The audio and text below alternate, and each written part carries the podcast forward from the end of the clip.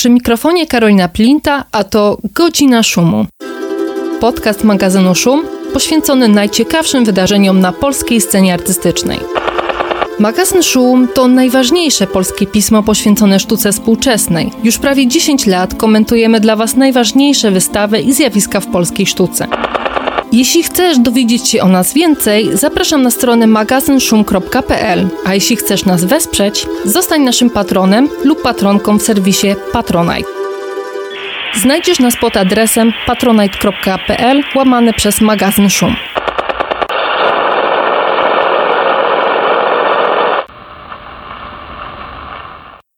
Dzień dobry Państwu, to 83 odcinek Godziny Szumu.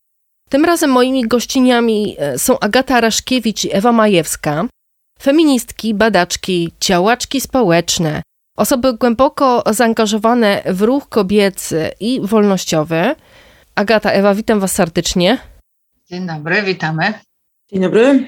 No i zaprosiłam taki e, wspaniały duet, bo mamy do e, omówienia poważną sprawę, a mianowicie mm, niedawno wydaną książkę Anny Marii Potockiej Kobieta postfeministyczna, którą wydało wydawnictwo Austeria. I na początek e, powiem kilka słów o autorce, żeby była jasność, o kim rozmawiamy. Anna Maria Potocka e, to postać tyle znacząca, co kontrowersyjna. Jest to dyrektorka Muzeum Sztuki Mocak i Bunkier Sztuki w Krakowie. To są dwie instytucje. Dyrektorką tej drugiej placówki Potocka została mimo sprzeciwu środowiska artystycznego, jej e, decyzje często wywołują emocje w złym tego słowa znaczeniu. I z takich ostatnich spraw, które mm, budziły te wspomniane emocje, można powiedzieć o zeszłorocznej awanturze wokół plakatu wystawy Polityka w sztuce, która odbywała się w Mocaku. Na, na tym plakacie postanowiono zaprezentować podobiznę rosyjskiego artysty Piotra Pawleńskiego, no co zostało odebrane bardzo źle przez e, ukraińskie środowisko w Polsce. A no, tegoroczną, powiedzmy, sprawą, która wywołuje kontrowersje, jest rzeczona kobieta postfeministyczna. Warto też dodać, e, że przy okazji tej publikacji całkiem niedawno pani Potocka miała też taką akcję obrony Janusza Palikota, biznesmena i członka Rady Mocaku, broniła go mm, za, za takie określenie e, ludzki śmieć, e, który pan Palikot e, określił w ten sposób bezdomną kobietę. No, według pani Potockiej to było zagranie czysto retoryczne.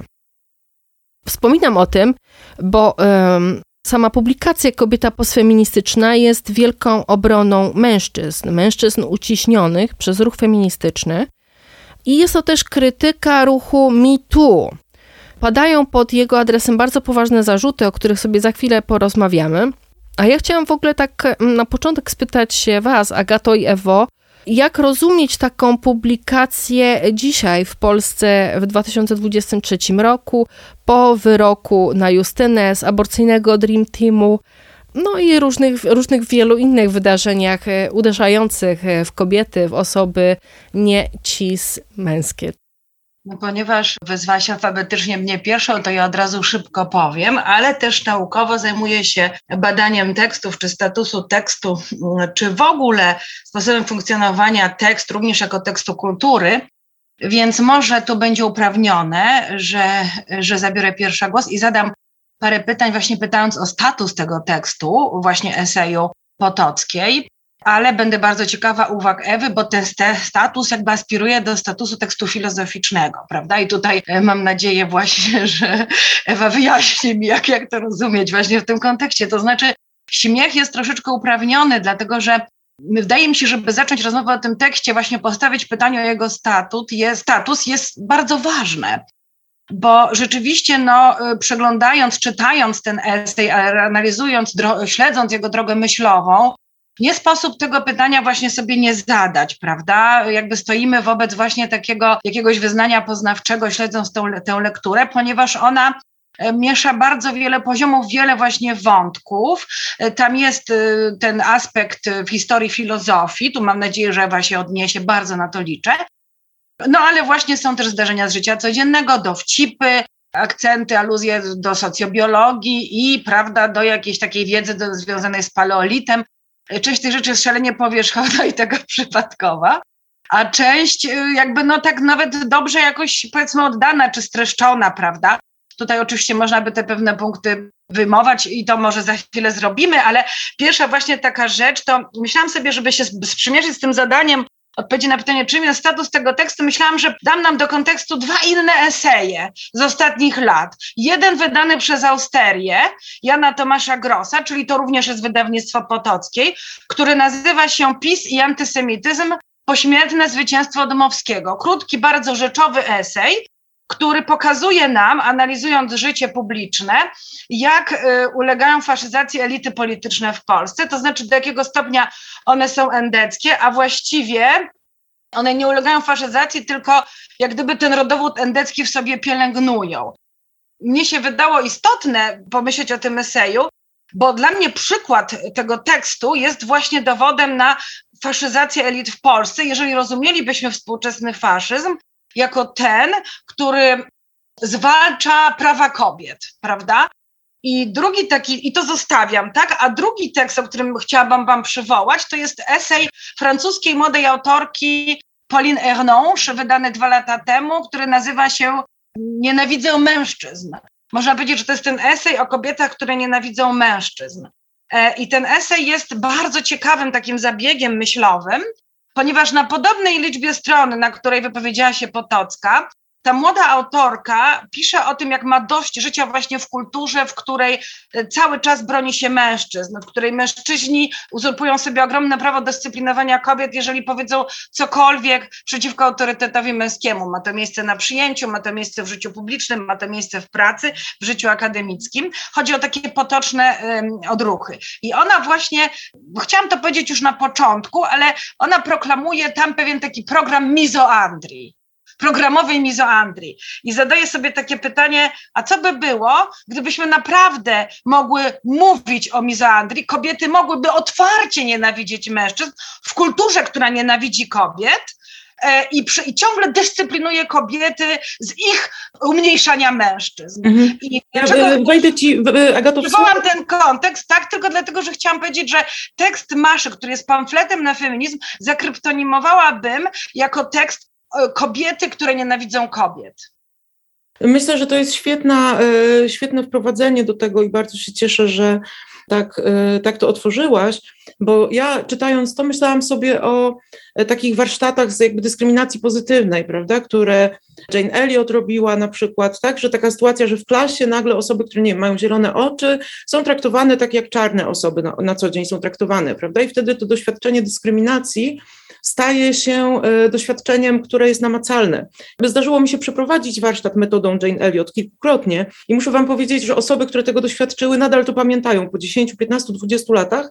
Zdarza mi się spotkać osoby, które były na tym i które mówią, że to było bardzo ważne dla ich rozumienia właśnie kwestii nierówności, dyskryminacji itd. Tak I ja czytając tę książkę miałam wrażenie, Maszy Potockiej, miałam takie wrażenie, że ona nigdy nie, chyba nie doświadczyła dyskryminacji albo wypierała te doświadczenia dyskryminacji bardzo starannie. Bo ta książka przede wszystkim jest napisana z pozycji kogoś, kto jakby nigdy nie cierpiał, kto, kto nigdy nie doświadczył takich e, sytuacji dyskryminacyjnych. I to po pierwsze w patriarchalnym społeczeństwie zakrawa na niemożliwość, ale nawet gdyby to było możliwe, to robienie z jednostkowej historii jakiejś generalizacji jest bardzo silnym błędem takim logiczno-filozoficznym, mianowicie jest to branie części za całość, to części bardzo specyficznej, bo właśnie jednostkowej, tak? czyli nie nawet jakiegoś procenta, tylko po prostu własne doświadczenie. Anna Maria Potocka jakby lansuje jako doświadczenie powszechne wszystkich kobiet w ogóle. I tu pojawia się drugi problem filozoficzny, nad którym nie rozważa Maria Potocka, bo ona robi nam taki skrypt. Moim zdaniem to jest kiepska notatka z Tatarkiewicza albo jakiegoś innego podręcznika do filozofii dla liceów. Więc to jest trochę wstyd, że osoba, która się szczyci chyba doktoratem, w ogóle sobie pozwala na taką notatkę żałosną. To naprawdę było, dla mnie to było druzgoczące.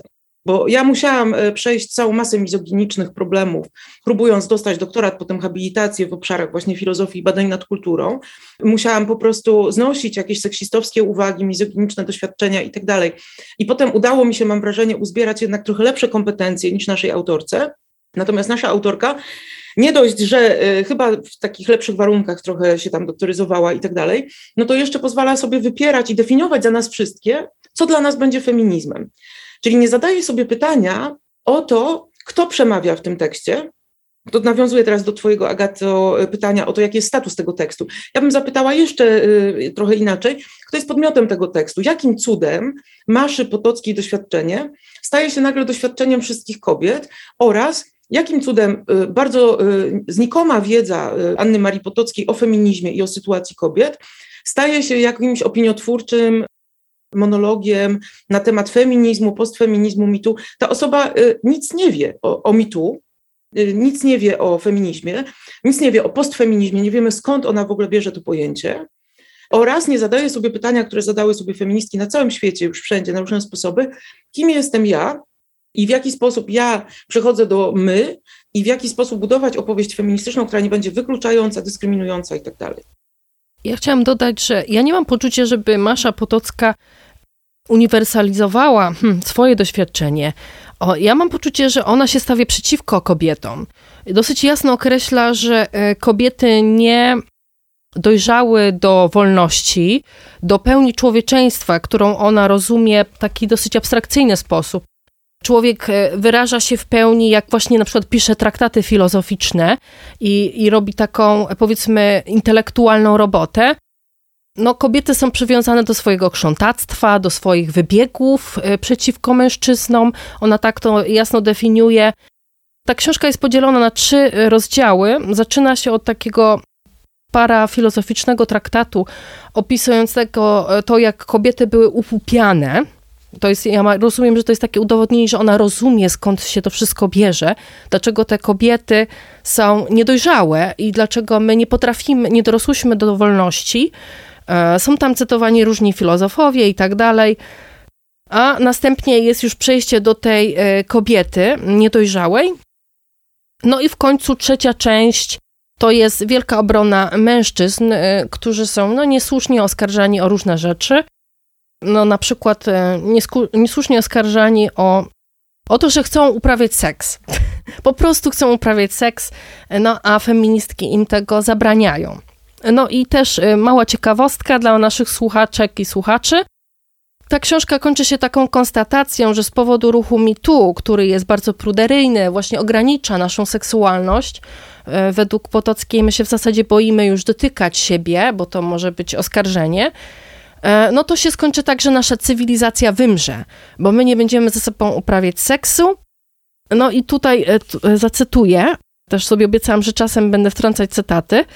E, wygląda na to, że stajemy się cywilizacją schyłkową, która tłumiąc seks, wycisza rozmnażanie. Oznacza to przygrywkę do indiańskiego samobójstwa, czyli powolnego wymierania. Po wiekach panowania oddajemy pole innym cywilizacjom. Um, więc e, tak, e, to jest po prostu traktat przeciwko kobietom, oskarżenie kobiet. Ale tutaj ominęłaś jeszcze taki, e, taki chyba przymiotnik lub w rzeczowniku się to pojawia, że nadejdą właśnie te czasy tej cywilizacji barbarzyństwa.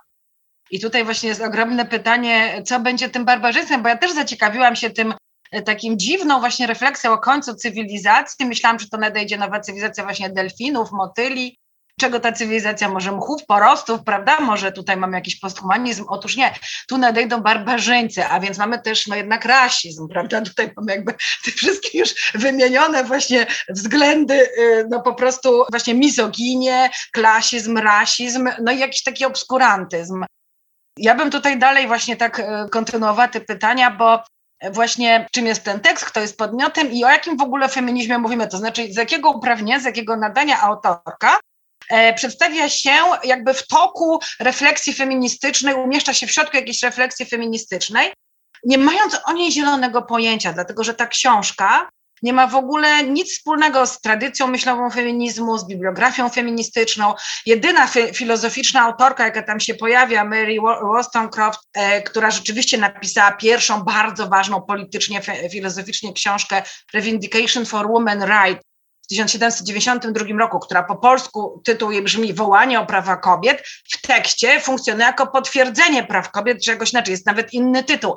My widzimy, że cała tradycja myślenia feministycznego poprzez przywoływanie różnych rzeczy, ale też w ogóle figur myślowych, sposobów myślenia, jest autorce obca. Więc w jakim sensie ten właśnie wilk w owczą skórę wchodzi, że tak użyję tej metafor potockiej, żeby, prawda, prawić te morały, nie wiemy, ale teraz, bo tak myślę, że trochę się pośmiać zdrowo nad lekturą tej książki też nie jest źle, ale teraz na przykład ja sobie wynotowałam coś takiego, takie lapsusy, na przykład, że dominacja kobiet nad mężczyznami my będziemy właśnie bronić mężczyzn przed dominacją kobiet. Następnie feminizm dokonuje gwałtu na kulturze zachodniej, prawda? Właśnie dokonuje gwałtu, to nieszczęśliwa metafora. Feministyczne uproszczenia są szkodliwe, no a te niefeministyczne są zbawienne, tak? I po prostu takich lapsusów jest bardzo wiele. Y, z takich jeszcze dotyczących spraw rzeczowych bardzo podobała mi się rzeczywiście overtura, to jest wielka analiza Biblii i zapisane już tam mniejszości kobiety. Wydaje mi się, że w feminizmie ta rzecz jest już wielokrotnie traktowana w historii teorii myśli feministycznej opisywana i w teologii feministycznej, ale też w filozofii, e, w filozofii poststrukturalistycznej. Mamy wspaniałe przepisywanie sceny biblijnej przez Ellen Sixu, która pisała o mowie jabłka, o tym, dlaczego jabłko wprowadza zupełnie nową wizję świata i dlaczego Ewa ma rację, że po nie sięga. To takie są przykłady przykładowe, może powiedzmy, prawda?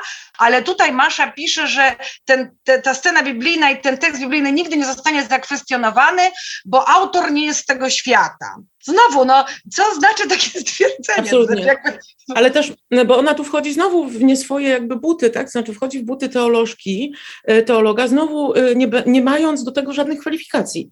Więc to jest wstrząsające zupełnie, że dość poważne wydawnictwo e, też legitymizuje taką sytuację. Ja miałam wrażenie, że oni może zostali jakoś zastraszeni czy coś i jakby z takim współczuciem trochę popatrzyłam na, na to wydawnictwo Austeria, że może jakiś szantaż tam miał miejsce, bo to jest niewiarygodne zupełnie, że naprawdę wydawca, który, który wydawał, ile dobrze pamiętam, Tomka Kikińskiego, Piotra Pazińskiego i cały szereg innych naprawdę interesujących autorów, którzy nie pretendują też do roli e, takich e, znawców wszystkiego, bo Masza Potocka jawi się z tej książki jako osoba, która powarła wszystkie rozumy.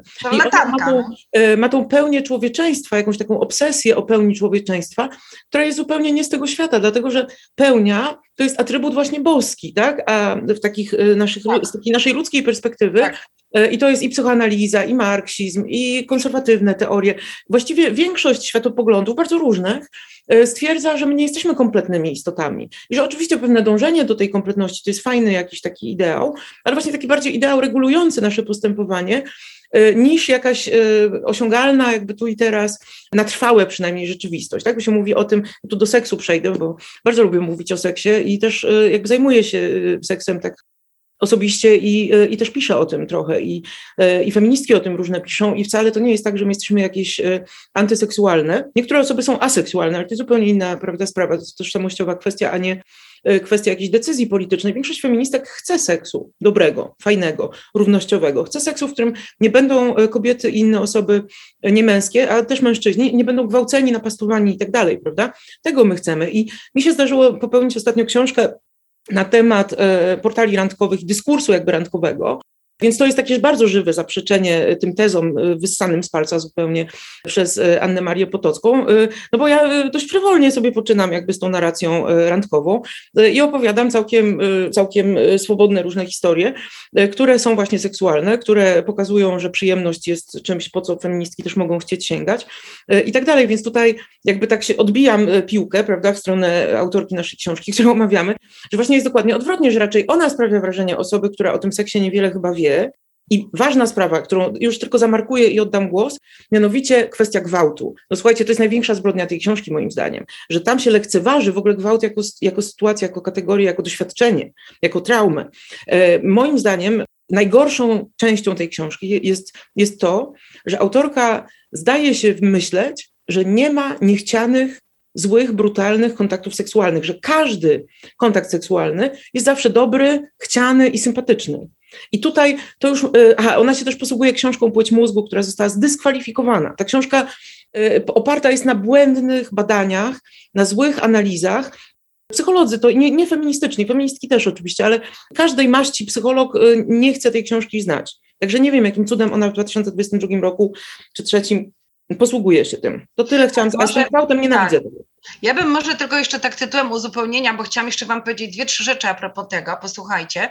To znaczy, y, moim zdaniem też nie przypadkiem właśnie pojawia się tam ta płeć mózgu jako odniesienie, y, który jako właśnie ten tekst wielokrotnie skompromitowany, y, zakwestionowany, tekst, który po prostu jest wynikiem, emanacją jako tekst kultury pewnego faktu, w którym żyjemy kulturowego, mianowicie, że my żyjemy w kulturze, która nienawidzi kobiet, prawda? I jakby to jest emanacja tego faktu. Wszystko, co mniejsza kobiety i tak dalej, i tak dalej, postrzegane jest jako naturalne, zastanówmy się, ciekawe i tak dalej.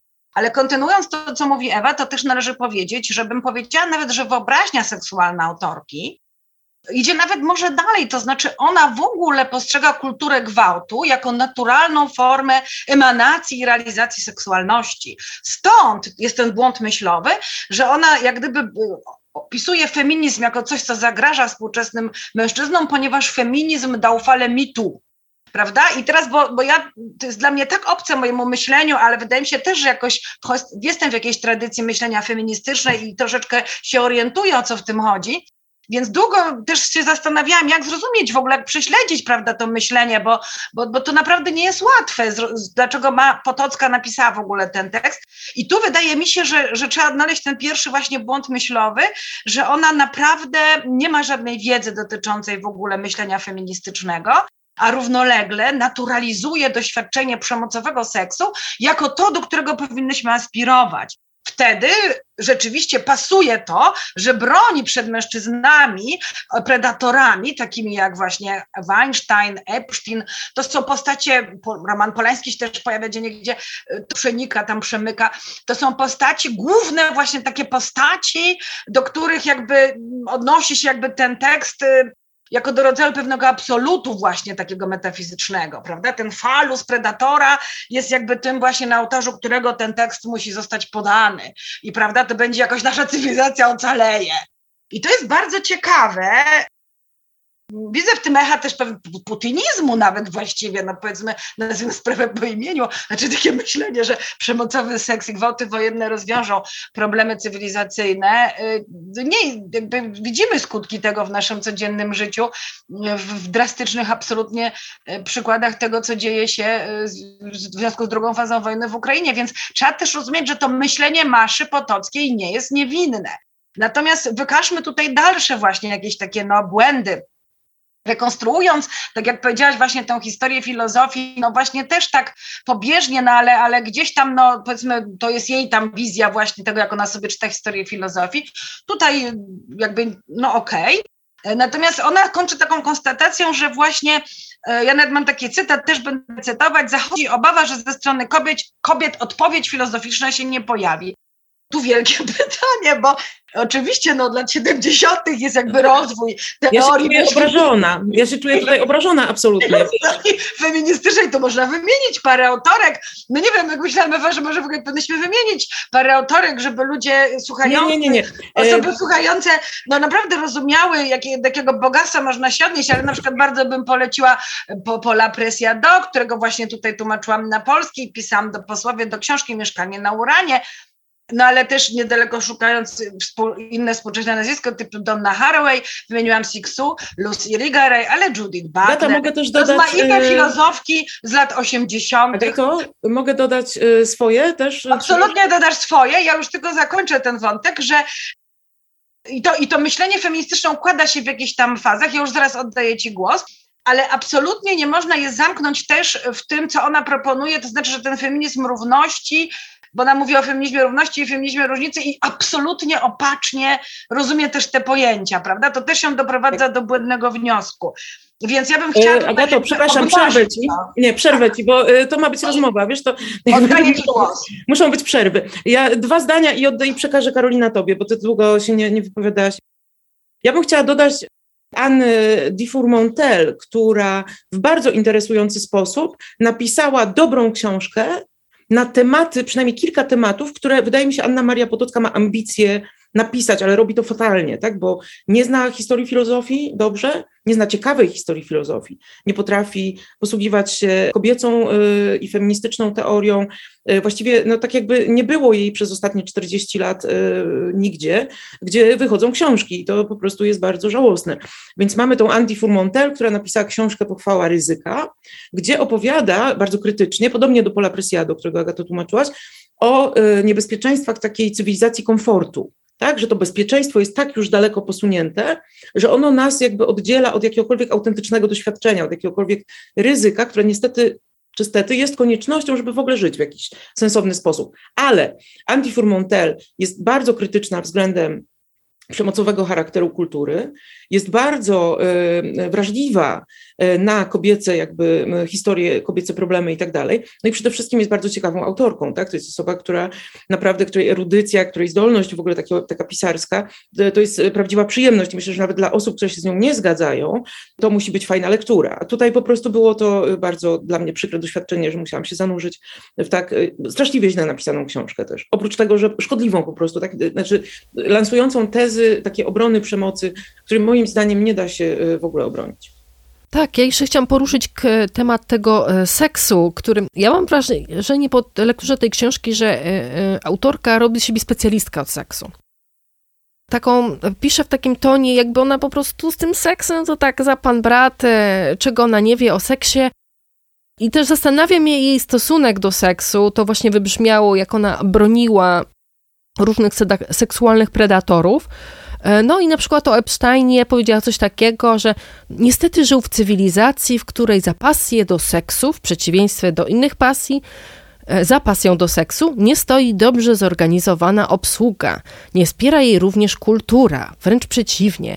Seks przelotny, niezobowiązujący, rodzaj seksualnej przekąski, traktowany jest niesmakiem i pogardą, niemal jak dobrowolna degradacja. Hamburgera czy hot doga można hapsnąć wszędzie, natomiast akt erotyczny na szybko jest dla przeciętnego człowieka marzeniem nieczystym i praktycznie osiągalnym. Akt erotyczny na szybko. To jest coś, co e, wydaje mi się, że jest jakimś takim celem tej książki. I co myślicie o tym haśle? Akt erotyczny na szybko. Czy to jest takie, e, nie wiem, takie super? Ja tu widzę kolejny subtekst, że też jest to dzieło kulinarne. Zwróćcie uwagę, że podczas tej audycji tego nie wyczerpiemy, ale zwróćcie uwagę również na to. Otóż słuchajcie, tak, to jest właśnie bardzo ciekawe. Ja myślę, cieszę się właśnie, że tę sekwencją rozwiążemy, rozwiniemy, rozwiążemy to nie, ale rozwiniemy ten wątek związany z seksualnością, który Ewa już rozpoczęła i słusznie wprowadziła, bo mm, no, to jest zastanawiające, to są takie momenty, kawałki tego tekstu, które muszę przyznać, no ja czuję się bezbronna i tak trochę jakoś przede wszystkim intelektualnie bezbronna. Nie wiem zupełnie, jak to traktować, chyba że jako żart. Ja przez chwilę rozważałam, czy ta książka nie jest, jednak Masza jest osobą, y, pani Potocka jest osobą związaną ze światem sztuki i tak dalej. Zastanawiam się, że to nie jest rodzaj właśnie prowokacji artystycznej, właśnie performance'u tekstualnego, który ma właśnie być może odwrotnie, prawda? Po prostu obnażyć, pokazać coś innego. No ale jakby w końcu wydaje się, że chyba nie, bo, bo nieporadność tych tez i ten, i ten jakaś taka ta, formułowanie właśnie tego wywodu jest tak, tak, tak dziwne, że, że no chyba żebyśmy uznali, że ten status jest statusem jakiegoś tekstu z fikcji literackiej, prawda? No ale jednak nie żyjemy w fikcji, no rozmawiamy tu i teraz, tak, tak by się nam wydawało, więc no rzeczywiście to stawia różne pytania, ale ta przekąska, y, którą mam nadzieję, że jakoś rozprawicie się z nią lepiej niż ja ja może na to odpowiem w taki sposób, że byłam zdumiona, jak właśnie u, u, autorki, która jakby tak chce siebie widzieć jako tą propagatorkę kultury proseksualnej przeciwko feministkom. No tu jest pierwszy błąd, bo chyba nie ma jednego z bardziej rozbudowanych współcześnie sposobów myślenia czy, czy teoretyzowania właśnie niż feministycznego związanego z nową intymnością, nową seksualnością, nową cielesnością i postpornografią. I tutaj właśnie chciałam zauważyć, że nie ma odniesienia do żadnych autorek, a stłumaczonych w Polsce mogę dodać do tego, co powiedziała Ewa, jeszcze książkę filozoficzną Katrin Malabu, Łechtaczka i myślenie. Absolutnie esej o tym, dlaczego przyjemność seksualna jest wykastrowana z filozofii. Bardzo polecam pani Potockiej, jeżeli kiedykolwiek posłucha tej audycji, ktoś się powie, żeby koniecznie zapoznać się z tą publikacją, nie grubą, bardzo cienka książeczka, wspaniała. Ale też właśnie na przykład taka postać jak Ani Sprinkle, prawda, artystka feministyczna, pracownica seksualna, łącząca właśnie doświadczenie performowania seksualności jako pracy, ale też jako sztuki z teoretyzowaniem, które daje początek nurtowi, który już ma około 30 lat właśnie postpornografii. Obecnie w Polsce będziemy mieli drugi festiwal postpornograficzny w Warszawie, zaprosimy od razu 13-18 czerwca. I to są takie fakty kulturowe, takie rzeczy, prawda, których nie trzeba się bardzo długo jakoś wyśleć, żeby, żeby z nimi zaobcować, a tu w tej orbicie one w ogóle się nie pojawiają. Absolutnie. Absolutnie. Zakwestionowałabym w związku z tym możliwość wypowiadania się wiążąca na tematy związane z, z pozycją seksualności w znaczy, kulturze autorki. Ja y, tak nawiązując do twojego zawołania, żebyśmy się rozprawiły z tym hamburgerem i hot dogiem, no to podejmę taką próbę, bo ja sobie pomyślałam taką rzecz, że hamburger czy hot dog jakby jest w miarę bezpieczny w tej sytuacji, że się go zamawia bądź y, próbuje się go zjeść. Tak? Innymi słowy, hamburger ani hot dog nie straci pracy, nie, nie zostanie zgwałcony, no w najgorszym razie wypadnie nam z ręki, tak? To, to może albo zażądamy nowego jedzenia, bo nie będzie nam smakował. Natomiast kobiety, które y, Anna Maria Potocka chciałaby, żeby były gotowe do y, tych seksualnych wyczynów i to szybkich od razu, co zaprzecza, wydaje mi się, dużej części preferencji jakby kobiet, które bardzo często właśnie nie chcą szybkiego seksu, tylko by chciały tego seksu jakiegoś tam, e, czy wolnego, czy długotrwałego, czy cokolwiek w ten deseń. Są, są różne pragnienia jakby w tym zakresie i nie jesteśmy wszystkie jakby takie same, a tutaj jakby Masza Potocka, jak rozumiem, lubi szybkie stosunki seksualne i projektuje to od razu na całe społeczeństwo albo wręcz na całą grupę kobiet e, we wszechświecie. I to wydaje mi się takie trochę, trochę bez sensu, bo dużo fajniej byłoby otworzyć ten temat seksualności, no właśnie w taki sposób, jak robią to feministki, czyli na przykład porozmawiajmy o łechtaczce i jej tam filozoficznych konotacjach, albo tak jak Ani Sprinkle, czy w ogóle cała masa artystek feministycznych, tak, które na różne sposoby e, biorą temat przyjemności, seksu, e, BDSM-u, jakichś tam nietypowych praktyk seksualnych, tak, e, praktyk seksualnych między osobami na przykład z niepełnosprawnością, tak, czyli są, jest to inkluzywność, a jednocześnie nie, nie brakuje tam radykalizmu. I w tym festiwalu, który ja też bardzo polecam, postpornografii, właśnie te różne nurty, różne wersje, różne feministyczne, bo tam właściwie nie ma nie ma chyba niefeministycznych y, filmów tak naprawdę na tym festiwalu. One wszystkie w taki czy inny sposób są feministyczne, są antypatriarchalne, a bardzo wiele z nich jest naprawdę ciekawym rozpracowaniem seksualności. I tu wydaje mi się, Karolina nam przygotowała takie różne notatki dotyczące tej książki i między innymi zajęłaś się tematem właśnie pracownic seksualnych, tak, seksworkerek. Tak i taką pogardą jakby, czy lekceważeniem, z jakim e, Anna Maria Potocka się odnosi. Więc nie, właśnie e, sprostuję, żeby nie było, że później autorka się awanturuje. E, Masza Potocka jak najbardziej jakby postuluje, żeby seks workerki były zawodem i żeby były no jakby funkcjonowały tak jak inne zawody, tam z różnymi ubezpieczeniami i tak dalej. Natomiast... Ale czekaj, bo ja y, przepraszam, tylko się wyjaśnię, bo ja chciałam zupełnie o czym innym. W sensie nie chciałam powiedzieć, że ona nie chce, żeby sex work był y, pracą, tylko chciałam powiedzieć, że ona pozbawia sprawczości te kobiety. Przez całą historię osoby, które się zajmowały pracą seksualną, kobiety, które się zajmowały y, pracą seksualną, były bardzo często szalenie poważanymi, potrzebnymi, intelektualnie niebywale wyrafinowanymi, kulturotwórczymi osobami. Tymczasem w tej narracji Anny Marii Potockiej, o ile dobrze ją rozumiem, właśnie ta sprawczość zanika, prawda? I one są takimi poddanymi, a nie autonomicznymi podmiotami co mnie bardzo zdenerwowało. No tak, jak płaci, jak mężczyzna płaci, to musisz dać i koniec, czy jakby nie masz tam żadnej e, nic do gadania. Ja tylko tak dodam, że tak przyszło mi do głowy, że jak ktoś ma ochotę na akt erotyczny na szybko, to zawsze może e, jest masturbacja, są lalki, jest bardzo tak naprawdę dużo e, rozwiązań na akt erotyczny na szybko, więc nie rozumiem, jaki tu problem w zasadzie. Ale jeżeli chcemy rozmawiać o prawdziwym afirmowaniu seksualności, to właśnie powinniśmy jak najbardziej docenić. I ja tak rozmyślałam, że kiedybyśmy miały ten moment właśnie mówienia o afirmowaniu seksualności, właśnie rozszerzmy to. Tutaj wspomniałam festiwal Malabu, ale przecież wspomnimy Waginę, wspaniała książka Naomi Wolf, Wagina Nowa Biografia, tak zwana trzecia fala feminizmu, choć moim zdaniem my tu jesteśmy ciągle jeszcze w niedokończonej drugiej fali z, z, tą, z problemem z tą książką Maszy amerykańskiego właśnie Naomi Wolf, która przetłumaczona jest na polski. Tutaj od razu musimy dodać artystkę krakowską, e, która sama się określa waginistkę, Iwonę Demko, która cały czas prowadzi, e, koncypuje ten właśnie temat zderzenia się z wyobrażeniem kobiecego ciała poprzez to, co ma być przyjemne, dowartościowane, w nowy sposób zobaczone, prawda? Więc nawet w Krakowie no, nie trzeba daleko szukać, prawda? Natomiast mnie się zdaje, że tutaj trzeba by te problemy nazwać, tak jakąś, jakąś nazwać ją, to jakaś taka nieporadność autorki, bo ona w ogóle dotyczy bardzo wielu rzeczy. My tutaj kilka żeśmy wspomniały, Ewa o tym języku, to jest taki język XIX-wieczny, pełnia człowieczeństwa, powinniśmy aspirować do pełni człowieczeństwa, zabić kobiety w sobie. No to jest bardzo jakieś takie XIX-wieczne, nieporadne. Duchowość, dużo się mówi o duchowości, o duchu, o spełnieniu duchowym.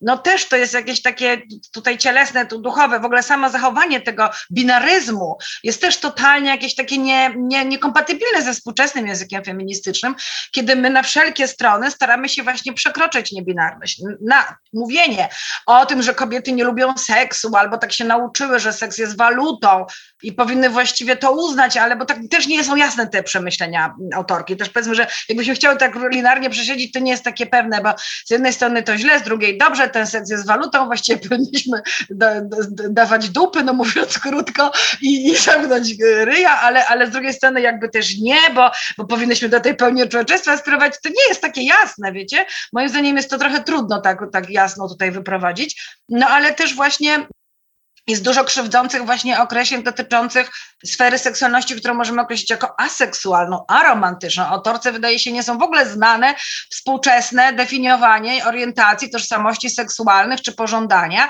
których jest różne opracowania, że nie podały, nawet do kilkudziesięciu, ale z nich aromantyczna, aseksualna, pośród y, poligamicznych, y, rozmaicie definiowanych podmiot samego wobec siebie, wobec innych i tak dalej.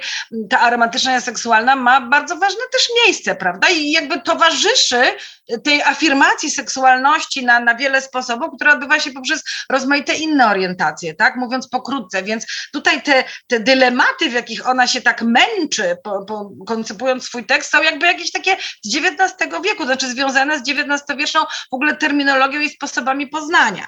Następnie w ogóle idea krzątactwa tam się nie pojawia, bo to słowo u nas tu padło. Nie, ona właśnie pisze o tym domowym tym jako jakimś takim czymś niższym uwikłaniu. No nie zapoznała się z myślą Brachczainy, jak gdyby nawet na polskim, no wiecie, i tak dalej, i tak dalej. Obraźliwe pasusy o homo, osobach homoseksualnych, że jako połączenie właśnie tam intelektu z formą mogą być hybrydami do nowej formy człowieczeństwa, męscy homoseksualiści. W ogóle nie wiadomo, co to znaczy, prawda? I tak dalej, i tak dalej.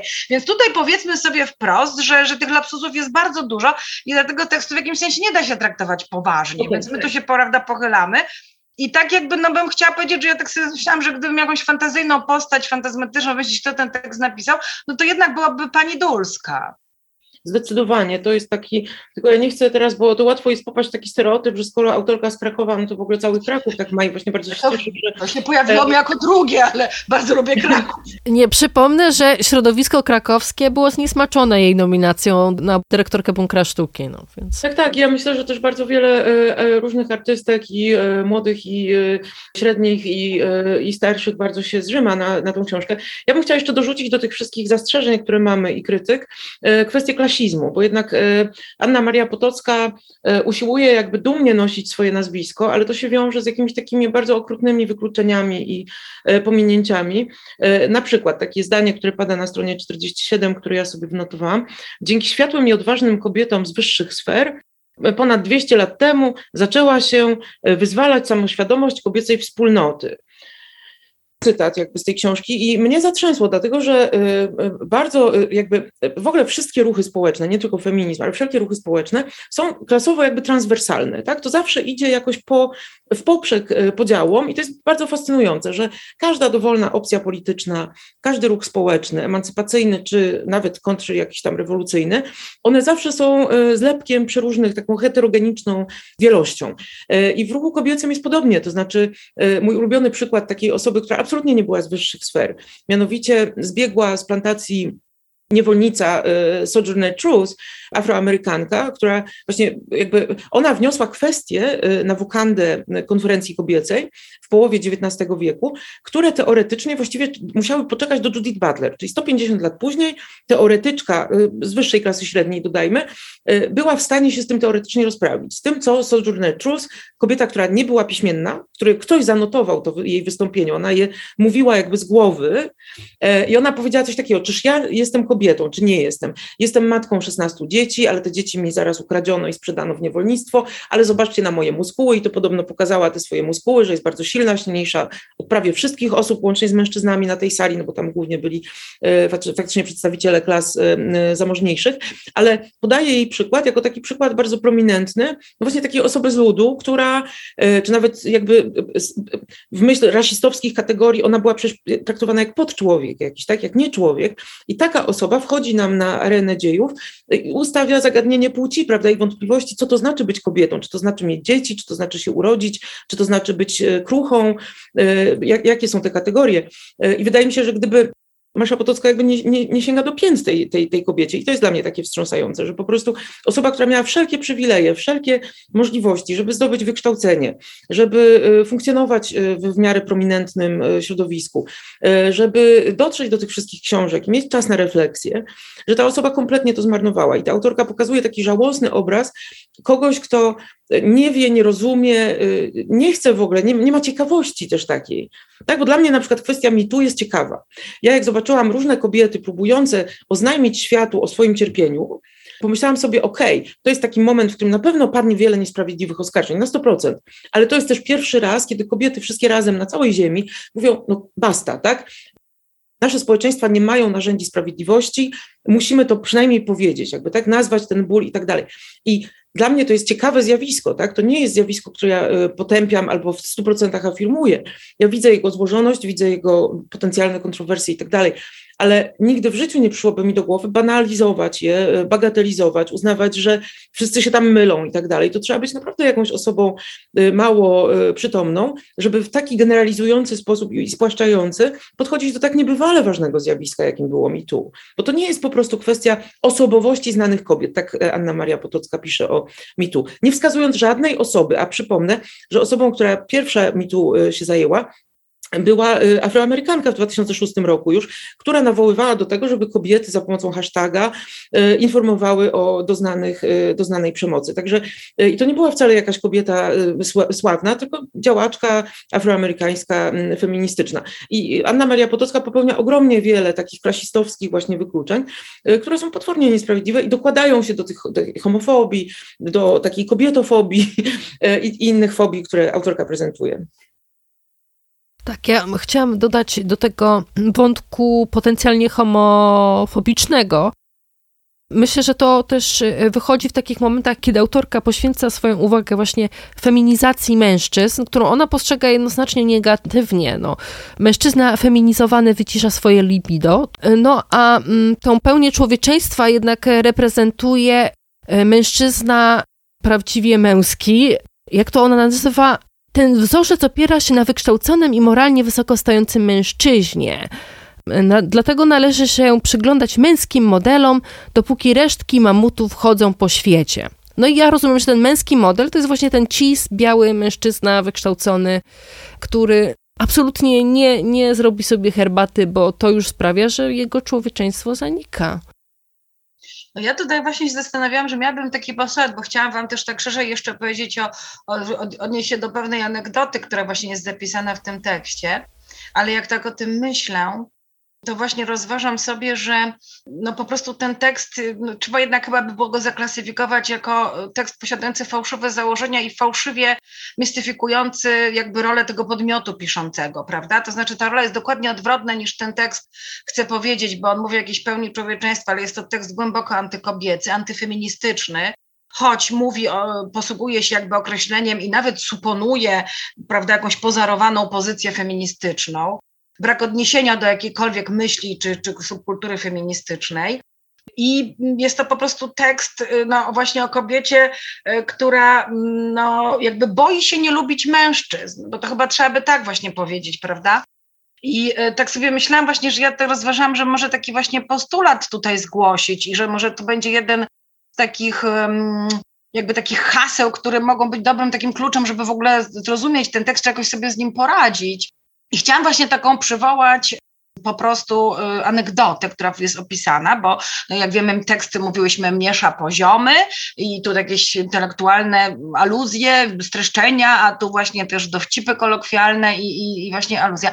No i słuchajcie, no ja miałam osobiście właśnie, tak się wam zwierzę, takie przeżycie, że w ubiegłe wakacje rozmawiałam z przyjaciółką, y, współczesną artystką warszaw, warszawską, dosyć postępową osobą, określającą się jako osoba niebinarna, i ona opowiada mi taką salonową sytuację, w której znany inny autorytet, y, rzeźbiarz, ją jakoś towarzysko sponował, seksualizował i w jakiś taki obraźliwy sposób bardzo potraktował.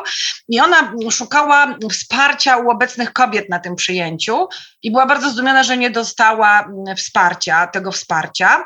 I że w ogóle cała ta sytuacja jakoś się zdegradowała. Bardzo źle się z tym czuła. To też jest zresztą opisany przez feministyczną antropologię moment e, takiego starcia, zderzenia z twardym życiem społecznym, w której teoretycznie jesteśmy wolne, niezależne, a nagle dzieje się coś miłego, jakaś mikroprzemoc, która nas destabilizuje na wiele miesięcy. To była taka sytuacja. I teraz y, ja przeczytałam coś podobnego, prawda, w tym tekście i zapytałam się mojej przyjaciółki, tutaj mówię o Klemens Stępniewskiej, czy to może dotyczyć jej ten opis. No i okazuje się że rzeczywiście tak, że, że Masza opisała jakąś taką sytuację z przyjęcia warszawskiego, gdzie właśnie była Klemens Stępniewska, czyli artystka, y, która jakby w swojej pracy podmywa różne systemy władzy, głównie system religijny, poprzez wprowadzanie daleko idącego, tam rozmontowującego systemu pokazywania seksualności, nagości, cielesności, e, tożsamości seksualnych.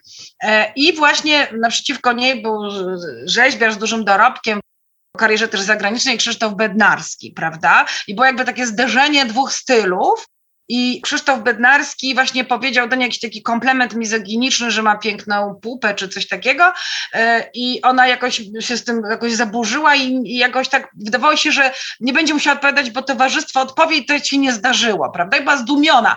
Ja byłam zaciekawiona tym, że jestem zdumiona, bo pamiętam takie rzeczy jeszcze niedawno i cieszę się, że dla innej, trochę młodszej ode mnie osoby to jest nie do pomyślenia, chociaż cierpi z tego powodu ale wydaje mi się, że właśnie to jest ważne, jak została ta scena też opisana, bo artystka została opisana jako progresywna aktywistka, rzeźbiarz jako taki wielkiej kultury człowiek, który po prostu chciał być miły.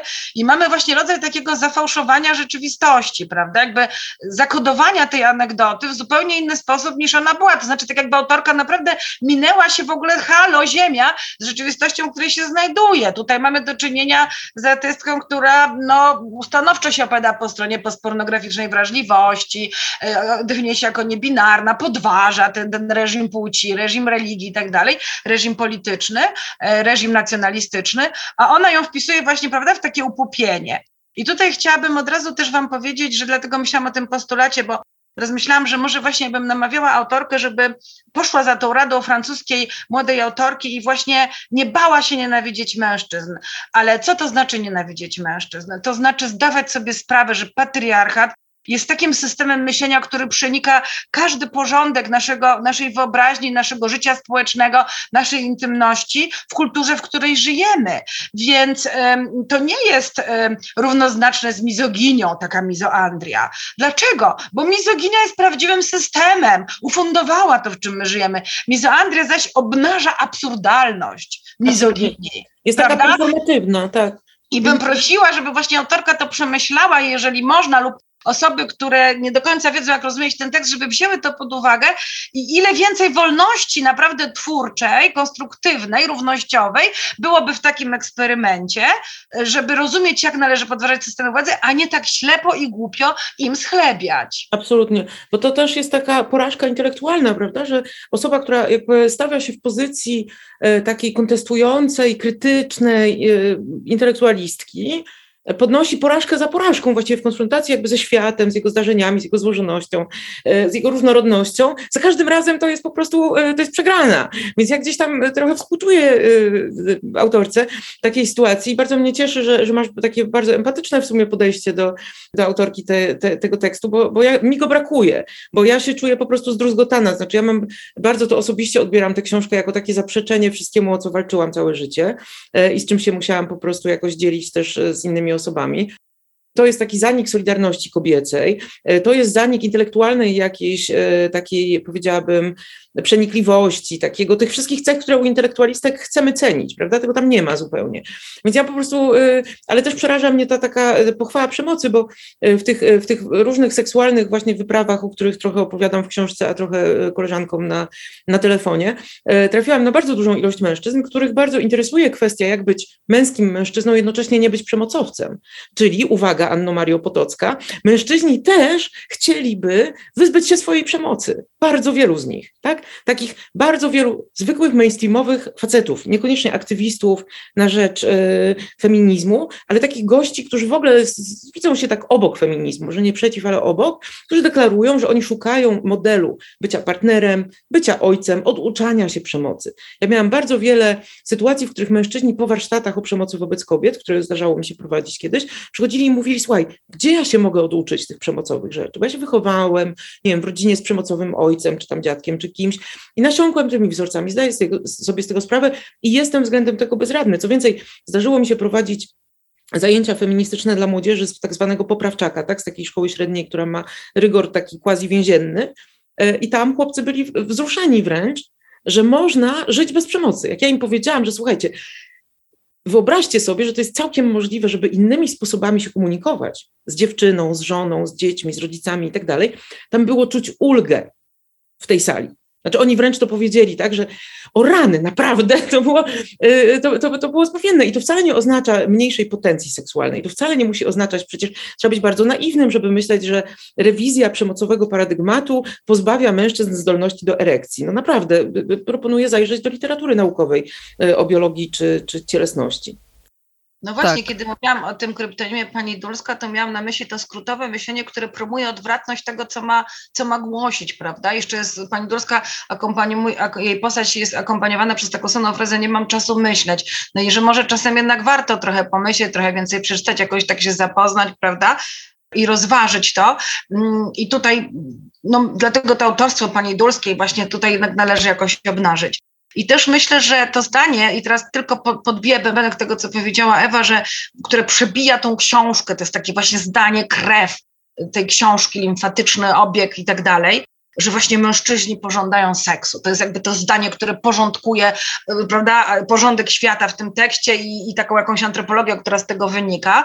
E, I jakby nie, bo bardziej by się wydawało, że ta osoba pisze z takiej fascynacji tego, że mężczyźni pożądają władzy ten seks, który ona nam pokazuje, to jest ten seks, który jest jakby potwierdza władzę, po prostu bardzo przemocowo rozumianą, prawda? I to nie jest przypadek, że nabierze w obronę predatorów, a nawet gdzieś tam pisze o brutalnych morderstwach, o których feminizm mógłby się wiele nauczyć i tak dalej. Więc ten tekst jest przesiąknięty podskórnie właśnie taką jakąś apologią przemocy, uwiedzeniem przez przemoc, i tu bym właśnie widziała też pewien taki właśnie problem z faszyzacją elit w Polsce i tu zrobiłam właśnie taką pętlę, ale szybko jeszcze dodam, że naprawdę mamy, czytajmy, y, czytajmy, kiedy chcemy o tej seksualności się dowiedzieć czegoś ciekawego. Alicję Długołęcką, śledźmy Instytut Pozytywnej Seksualności Agaty Lewe, podcast Dwie dupy o dupie, pracę Janny Kaszki i wiele innych rzeczy, które są dostępne na polskim gruncie i bardzo zachęcamy.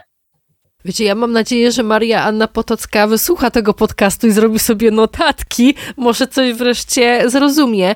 Ja natomiast mam pytanie o taki e, argument, który pada w tym tekście to jest argument znamienny, mianowicie oskarżenie o to, że nie powinno się sprawców ścigać po latach, bo jeśli będziemy, y, bo łatwo się zakalopować i to doprowadzi do absurdów, tutaj znowuż cytat, przy takim podejściu należałoby usunąć z muzeów Caravaggia, który był mordercą, a z historii literatury Żana Geneta, przestępca i nachalnego homoseksualistę. Nachalny seksualista, to ciekawe określenie. Też się mhm. zastanawiałam nad tym, przepraszam, że tak pozwolę sobie teraz e, jako pierwsza odpowiedzieć, ale e, nachalny homoseksualizm wydaje mi się karygodnym w ogóle określeniem i u osoby, która się e, zachowuje, jakby była jakąś postępową osobą i, i tak dalej, to, to nie wypada po prostu już tak mówić. To nawet jak ona tak myśli, to niech sobie myśli jakby w zaciszu domowym, tak, na ten temat w ten sposób. E, ja mam wrażenie, że Masza Potocka powinna się zapoznać też z praktyką e, prawną, bo jednak przestępstwo zgwałcenia e, się przedawnia chyba po 20 latach dopiero, to jest dosyć długo. Bardzo często jakieś sprawy niezałatwione są wynoszone. Też Caravaggio już od dawna nie żyje, tak? Więc prawdopodobieństwo, że zabije kogoś jeszcze jest naprawdę niewielkie, tak? W przypadku osób, które są, nie wiem, Woody Allen na przykład, tak, osób, które są jakimiś tam predatorami, no to po prostu ryzykujemy, że kolejne osoby padną ofiarą tych ludzi. I dlatego chcemy się tym zajmować, ale też dajmy sobie szansę na wypracowanie dobrych procedur. Ruch mi tu nie może być winiony za to, że ma złe procedury albo ich mu brakuje. To jest nowy ruch, on dopiero się zaczyna, tak? Wobec czego dajmy sobie trochę czasu i popracujmy raczej razem nad tym, żeby te procedury były lepsze. I tu zapraszam Annę Marię Potocką jak najbardziej. Jeżeli ona jest tak wrażliwa na losy mężczyzn, to proszę bardzo, niech próbuje dbać o interes mężczyzn, ale w sensowny sposób, tak? Nie promując przemocy, nie przeciwstawiając się, że tak powiem, duchowi dziejów, który idzie w innym kierunku niż ona by chciała pójść, tylko współtworząc procedury, które będą sprawiedliwe dla ludzi. Czemu nie?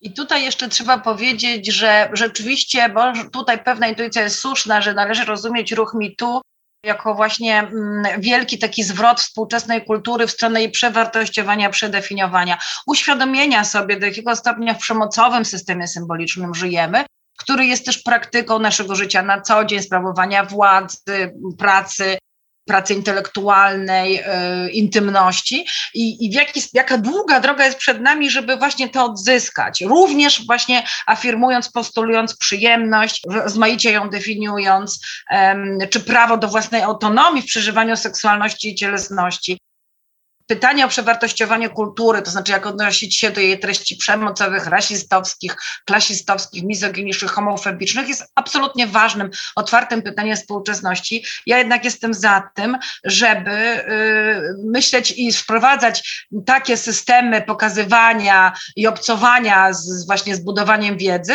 które uwrażliwiają nas na prześlepienie pewnych kwestii w przeszłości. Także tu bym uważała, że absolutnie należy dyskutować e, o przemocowych aspektach, e, czy, czy biografii e, artystów, ich stosunków do kobiet, czy właśnie tego, jak, jak w dziełach to jest kamuflowane, jak to się przejawia. Postulowałabym wyciąganie z mroku kobiecych twórczyń, twórczyń w jakikolwiek sposób zopresjonowanych, osób identyfikujących się jako niebinarne, prawda, które, które oczywiście ten dominujący system spychał do cienia. E, wszystkie te praktyki naprawdę bym postulowała, żeby dążyć do szczęścia dążmy do szczęścia, do pełni człowieczeństwa. Ta pełnia człowieczeństwa to jakoś tak mniej, bo bardziej mnie interesuje posthumanizm być może. To jest moje prywatne zboczenie. E, natomiast e, właśnie e, do szczęścia, prawda? To jednak prawdziwe szczęście będzie wtedy, kiedy będziemy zdolni bez obawy to wszystko podważyć i przewartościować. I to będzie prawdziwa właśnie rozkosz poznania i bycia.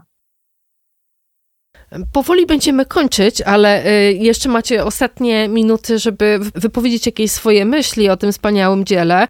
No, myślę, że jednak doszliśmy do pewnych pozytywnych wniosków, mianowicie, że można jednak inaczej i że ten świat e, przedstawiony przez Maszę Potocką to jest świat w krzywym zwierciadle.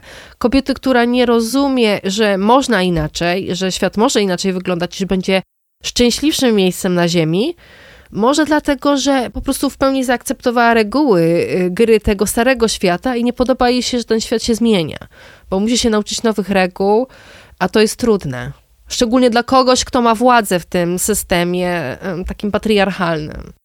Ja mam takie wrażenie, że właśnie tak, e, tak jest, że, że Anna Maria Potocka się przestraszyła jakby, że e, będzie musiała się nauczyć nowego świata i nowych zasad, nowych reguł i tak dalej. Być może będzie musiała rozpoznać swoją własną przemoc, no bo nie wiemy jakby w jaki sposób ona traktowała te hamburgery swoje czy hot dogi. Być może miała jakieś takie osoby, które właśnie traktowała jak przekąski seksualne. Nie wiemy tego. E, I ja się zaniepokoiłam, że mogło tak być, no bo jeżeli osoba jest dyrektorką i do tego dwóch placówek, no to kto wie, jakie stosunki pracy tam lansuje.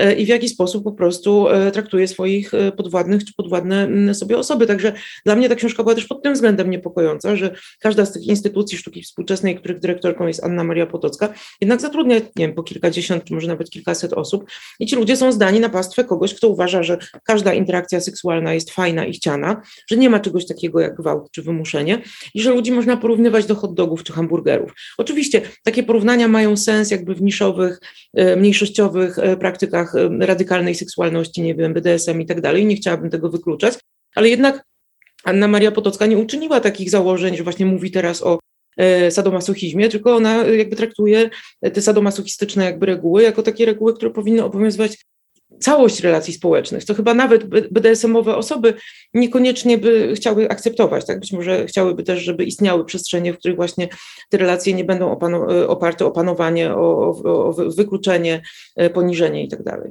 Ja myślę, że to jest absolutnie ważny aspekt, rodzaj tego autodonosu, który Ewa tutaj zdetektowała w tym tekście, to znaczy jaki to jest sprawdzian moralny, prawda, dla osoby, która ma realną władzę e, w ważnym polskim mieście, nad realnymi placówkami, bardzo ważnymi na polskiej scenie, która gruntownie się kurczy faszyzującym się kraju i e, jak gdyby ma takie poglądy, że właśnie głosi e, apetyt na te przekąski seksualne podane właśnie w takim sosie myślowym, e, no nie do końca, do, no nie do przyjęcia, ale tak na koniec właśnie myślę sobie, że naprawdę to jest ważny moment, poważny.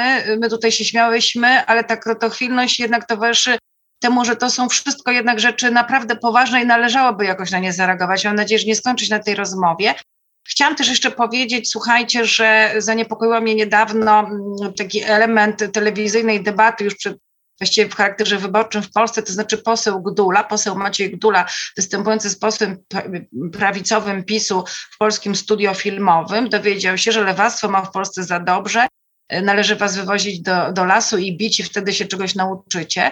I ten język przemocy narasta. W tym sensie my musimy naprawdę budować bardzo przemyślane, alternatywne wizje, alternatywne sojusze, których jakby nie ma miejsca na głupie lapsusy i na wygłupy, które na dodatek wcale nie są takie błahe.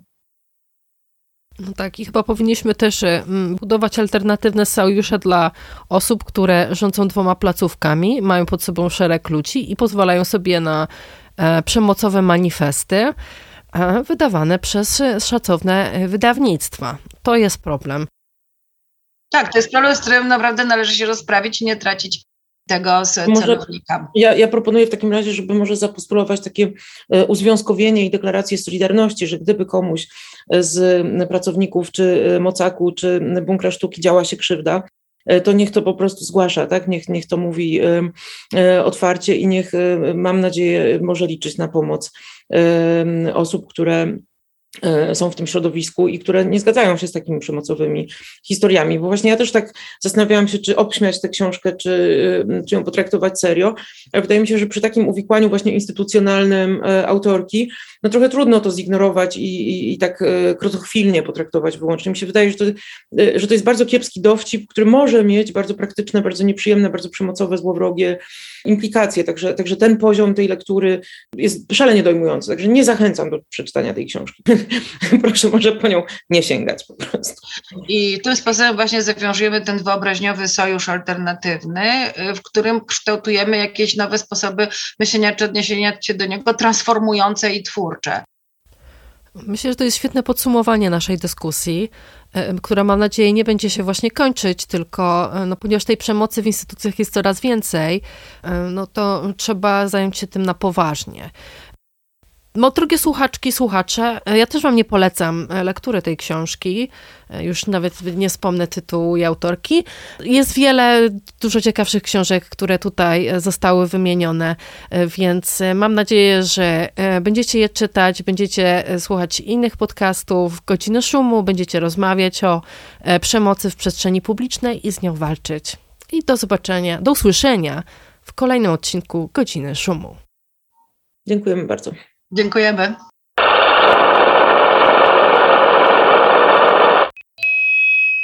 Dziękuję za wysłuchanie kolejnego odcinka podcastu Godzina Szumu. Na następne zapraszam za dwa tygodnie. Szukaj nas na popularnych platformach streamingowych. Możesz też wesprzeć naszą działalność w serwisie Patronite, gdzie funkcjonujemy pod adresem patronite.pl łamane przez magazyn Szum. A jeśli chcesz dowiedzieć się więcej o sztuce współczesnej w Polsce, zapraszam na stronę magazynszum.pl. Do usłyszenia!